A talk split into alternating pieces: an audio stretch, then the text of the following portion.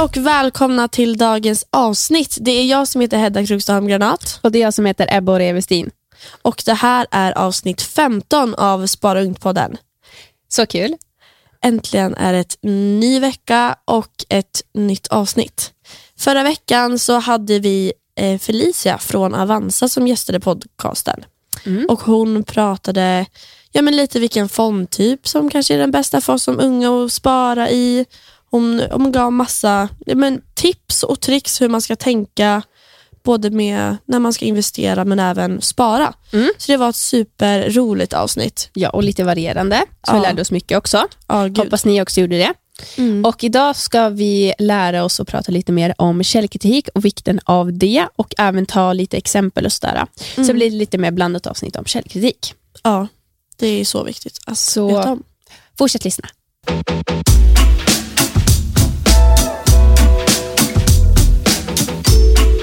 Ja, och jag tänkte börja med nu då. Eh, Jag såg en nyhet idag då, när vi spelar in. Eh, Det här kan ju så- såklart ändras i framtiden.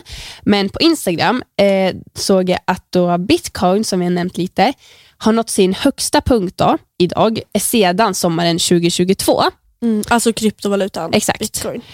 Med plus 14 procent efter att ha gått riktigt dåligt den senaste perioden. Mm. Men då är ju då frågan, ska man verkligen lita på Instagram-profiler som ger ut sån här fakta?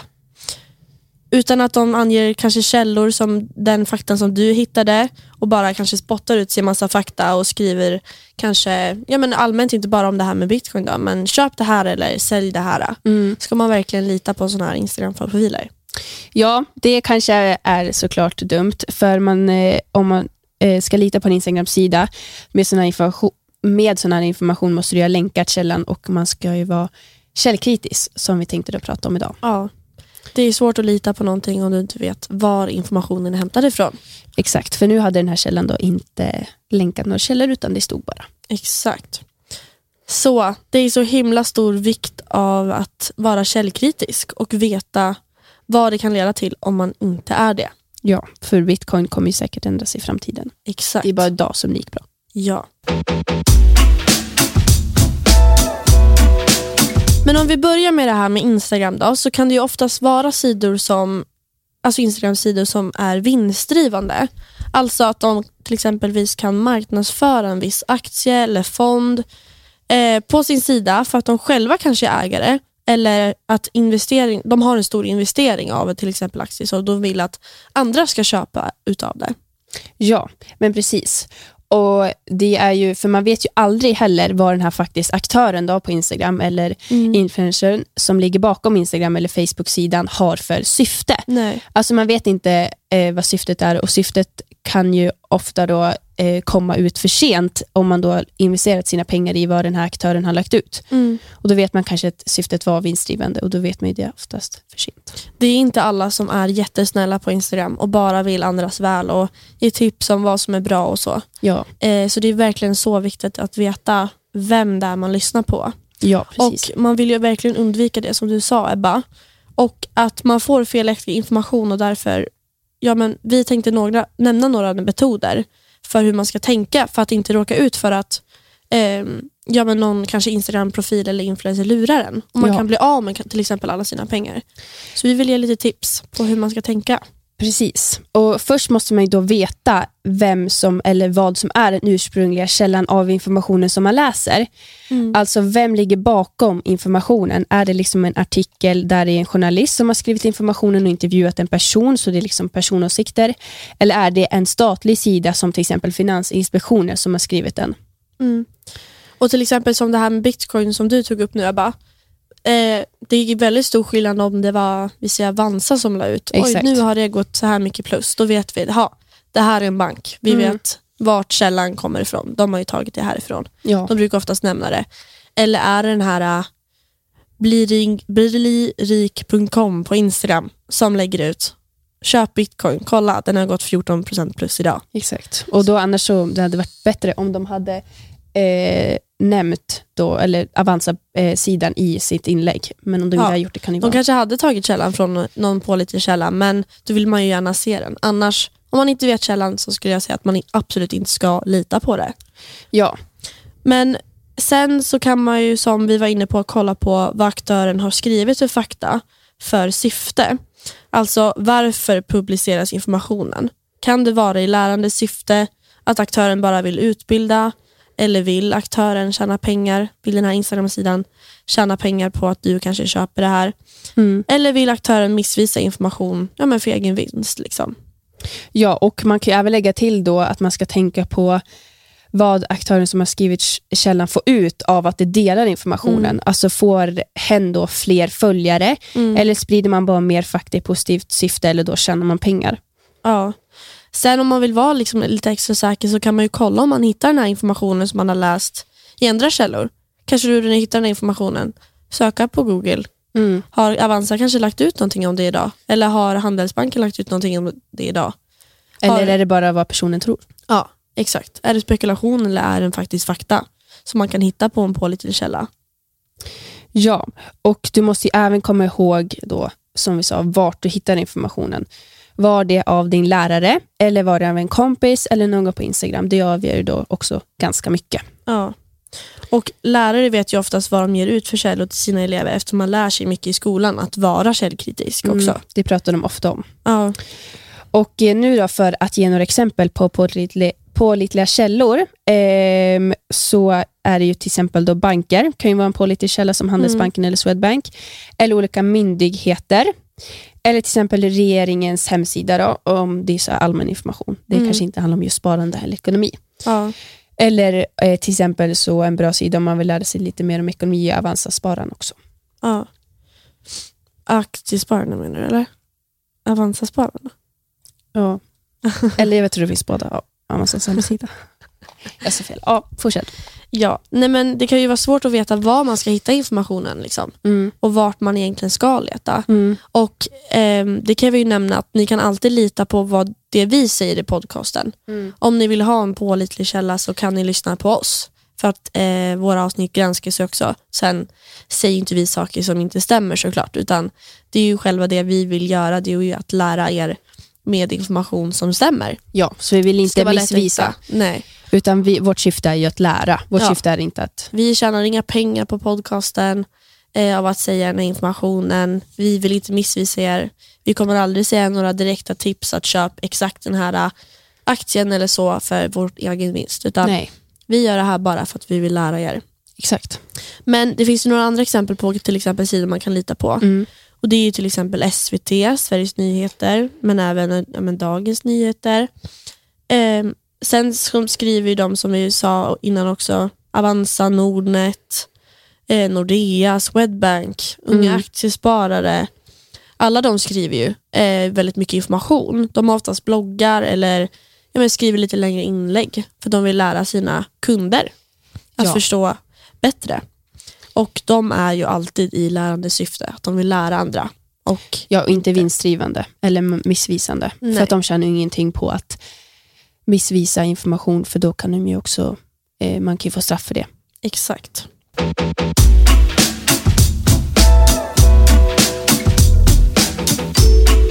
Ja, och jag tänker även att vi ska gå, eh, för att förklara lite djupare, att vi tar ett litet exempel från ren erfarenhet. Mm. Eh, och det är då av min pappa Mm. eh, som har investerat ganska länge. Ja, du får gärna berätta. Eh, yes, och då var det ju eh, det här som vi pratade lite med att man kan ju f- straffas om man lägger ut felaktig information. Mm. Och då var det ju så att han köpte en aktie från ett mindre bolag ehm, och han trodde ju såklart på den här aktien och hade läst på innan då. Eh, men det visade ju sig då att han inte han var så påläst som han trodde. Då Mm. Från den ena dagen till den andra så sjönk aktien väldigt kraftigt. ehm, efter han då hade investerat i den ett tag. Och Då visade det sig att personerna som låg bakom den här aktien, alltså ägarna, var kriminella. Alltså, Aj då. Ja, det var inget bra. Eh, jo, de lämnade då felaktig information till marknaden, då, alltså till allmänheten och till alla som hade ett aktieinnehav av aktien. Och Det mörkläggde även riskerna ehm, som aktien hade. Då. Alltså de sa att eh, aktien, eller aktien hade lägre risker än vad den egentligen hade. Och eh, sedan höll de själva den här inside-handeln ehm, eh, själv, alltså all information som bara de visste, Mm. utan att lämna den till Finansinspektionen som man egentligen ska göra för att all fakta som du har ska du lämna till Finansinspektionen så att du inte liksom sitter på helt egen fakta själv. Men eh, sen som tur var då, så dömdes dessa personer och fick fängelse. Men personerna då, som till exempel min pappa som hade aktien fick inte sina pengar tillbaka. Ja. Gud vad intressant. Det här är verkligen intressant men det är också ett väldigt tydligt exempel på hur dåligt det kan då gå. Om man, ja, man själv inte bildar sig en uppfattning om det man köper och kanske litar på andras åsikter eller bara man inte har jättebra koll. Och speciellt när det är mindre bolag som kanske inte är på topplistan eller ja, det är massa andra som, Som man äger inte den här. hört så ofta. Utan att det kanske är en mer riskfylld investering. Mm. Att man då inte har all information som egentligen behövs. Ja. Speciellt när man kanske inte är en jätteexpert. Du Exakt. jobbar med att ha, göra analyser. Liksom. Mm, och det är även värt att tillägga att pappa var ganska ung då och det är oftast unga killar mellan typ 25 till 35 som tar störst risker och det händer sånt här. Ja. ja, verkligen. Men eh, du nämnde ju någonting om insiderhandel. Att de höll det för sig själva och inte rapporterade till Finansinspektionen. Eh, inspektionen. det kan ju vara värt att ta upp och förklara vad, vad det är. Ja, det är ganska smart. Du kan väl förklara det lite först. Ja. Eh, insiderhandel som du nämnde eh, har då en så kallad insynsperson som har jättemycket information om bolaget som inte är ute för allmänheten. Och Det kan till exempel vara en nyhet om företaget som kan påverka aktien negativt eller positivt som man inte delar direkt. Liksom. Ja. Eh, och då denna så här inside-personen då, ehm, kan ju då handla med aktien på ett felaktigt sätt, som nu hände då i pappas fall. Alltså till exempel att inside-handeln eller inside-personen köper massa aktier i företaget precis innan eh, då aktien ökar i värde som bara Mm. person, den här personen vet om. Då. För inom, alla näst, nä- inom nästan alla bolag finns det ju en person som vet mycket mer om bolaget än andra som eh, jobbar med det här. Då. Eh, Mm. Och Det får ju inte köpa eller sälja aktien under en viss period för att det inte ska gå som det gick, så att inte de har förtur för den här aktien. Ja. Eh, ja. ja, för det är ju ofta att man manipulerar marknaden. Ja, Att en, det är därför vissa, om man jobbar till exempel med vissa grejer, att då får man inte köpa under en viss period. För det kan man ju se sen efter också. ja. Om en person som man har en insider, att den vet att ja, imorgon kommer vi ge en nyhet till allmänheten som kommer göra att eh, aktiens värde eller någon, vad det nu är kommer att sjunka kraftigt. Kanske att eh, det är ett dåligt eh, årsslut eller vad det nu är. Och Då kan inte den här personen få förtur innan hela allmänheten att de ska få sälja Nej. eller köpa. För att själva, oftast då så eh, tjänar de ju på det. Exakt. Antingen om de köper innan alla andra, då köper ju de på ett lägre värde så kanske det stiger, så säljer de det. Eller tvärtom, att de säljer innan den sjunker jättekraftigt. Exakt. Men det finns ju då insynsregler som in, så- alltså den här inside-personen ska följa. Och eh, Man ska uppdatera till Finansinspektionen så att inget konstigt händer. För att in, undvika det också det som hände din pappa. Och Denna inside-personen har också i uppgift att, att kolla så att all fakta om bolaget är korrekt. Exakt. Och eh, det var ju det som skedde med den här eh, aktien då. Eh, vilket, det här förekommer ju även än idag, jätteofta. Att eh, det blir missvisande information. Och eh, det kan ju även eh, leda till att man själv då sprider felaktig information till sina vänner eller till allmänheten. Ehm, och om man då sprider vidare felaktig information kan det bli en ond cirkel eh, som, man inte vill, som man vill undvika med då källkritik. Just precis, och det är därför vi vill markera riskerna med att ta källkritiken på allvar och verkligen veta vart man hittar informationen men också att vi ger nu ut era, er tips på vart man hittar informationen. Mm. Att det är så himla viktigt. Och som också Felicia sa i förra avsnittet att undvika att när man är liksom ung att ha liksom verkligen eh, ja, kanske stora diskussioner och tipsa varandra om köp den här. För att alltså, vi är ju inte experter och, det är ju, och de flesta inte är ungdomarna. Nej, Om man vi- inte har gått en utbildning och utbildat sig inom området så kan man ju inte med säkerhet säga så här är det. Exakt. Om du inte liksom drar direkt fakta från någonting. Men att inte liksom kanske säga, ah, jag har gjort en analys här nu. Jag tycker du ska köpa det. Ja. Det kan bli väldigt fel. Jo tack, och vi har ju heller inte så lång erfarenhet utan Mm. vi har heller inte upplevt börsen så mycket nedgång som det är nu. Det är ju vår första upplevelse av Och därför är det ju Nedgång. viktigt att kanske prata med någon som har bättre koll. Till Mm. exempel unga aktiesparare. Om man Mm. vill bolla någonting, eh, men kolla med dem. Många av dem är utbildade och de lägger ut väldigt mycket bra information också. Verkligen. Ehm, så att ja, det får man tänka på och verkligen tänka på vart man hittar informationen. Och ver- verkligen vara försiktig med, med TikTok och Ja, verkligen. Instagram. TikTok ger så mycket eh, Mm. felaktig information. Och, Jag ser, det- får upp hur mycket videos varje dag om köp det här, sälj det Ja, här, same. kolla på det här. Eh, nu har det gått jättebra för det här företaget. Jag vet att det här kommer gå jättebra imorgon. det är så nej, du inte vet det. inte. Alltså de, de gör det säkert för att de vill tjäna pengar. Mm, eller Eller- också få visningar på TikTok. Då. Det är oftast varför man lägger ut det. Annars hade de Ja. lika gärna kunnat sagt informationen till sina vänner istället. Ja, Då är de ute efter visningar. ja. och eh, ja, men det är oftast att man vill tjäna pengar på det. Ja. Eh, så att ja, var försiktiga. Kolla på bankers hemsidor istället. Och lyssna på oss. Mycket, ja, exakt lyssna på oss om ni vill ha rätt information.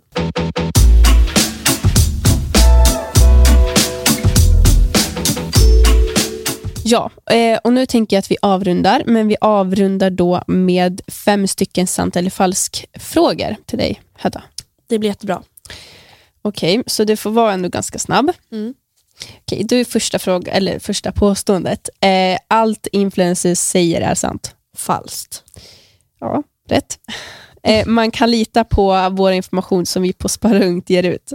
Eh, sant, såklart. Mm. Helt rätt. Eh, och Det är bra att vara källkritisk. källkritisk. Sant, såklart. Mm, bra. Eh, Expressen är med pålitligen SVT Nyheter. Den är kanske lite svårare, men det skulle jag kanske säga falskt bara. Mm. SVT är ju ändå staten. Exakt, SVT. Så de kan ha mer goda avsikter. Men jag skulle säga att man kan oftast lita på. Man kan ju lita på båda, men Expressen är lite mer, lite mer eh, för eh, läsningar. Alltså, eller vad säger man? Visningar på sina Mm. artiklar än SVT. Mm. Eh, Okej, sista påståendet. Man kan dömas till fängelse om man har gjort ett så kallat ekobrott. Sant. Ja, och det var det vi tog upp, att man kan ju, om man missvisande information kan man få, då blir det som ett ekobrott, alltså ett ekonomiskt brott. Mm. Så man kan dömas till eh, upp till två års fängelse eh, Mm. och även få stora mängder böter beroende på om hur stort belopp du till exempel har lurat eh, någon annan på ekonomiskt. Det kan vara redovisning eller vad som helst. typ. Det är ganska många som kan bli dömda för det. Ja, precis. Och Mm. ofta företag. Om de missvisar eller inte ger ut all information. Så. Mm. Ja men gud vad kul. Vilken bra sant eller falskt tyckte jag faktiskt. Ja, tack. Det tyckte jag faktiskt var väldigt bra och en bra avslutning. Men ska vi tacka för det här avsnittet då? Ja, det gör vi. Eh, tack alla för att ni har lyssnat och glöm inte det vi säger för att vi pratar faktiskt om viktiga saker i det här avsnittet. Ehm, Så kul att ni har lyssnat och hoppas ni har lyssnat på alla tidigare avsnitt. Och eh, om ni har någon eh, fråga till oss eller fråga till eh, ja, men någon expert så kommer vi ha lite fler gäster i podden. mm. Så att det är bara att skriva till oss om ni vill att det är någon specifik fråga som vi ska alla, ställa till lite experter. alla frågor är ju anonymt såklart. Ja. Vi kan inte säga riktigt än vilka det är som ska gästa podden men det är riktiga experter som är så himla duktiga. Ja, Så det verkligen. kommer ni lära er så mycket av. Så det ser vi fram emot jättemycket. Ja, så hoppas ni får en fin dag, eller kväll eller natt. Eh, Ja. Så hörs vi. Ja, syns vi i nästa avsnitt. Hej då! Hej då.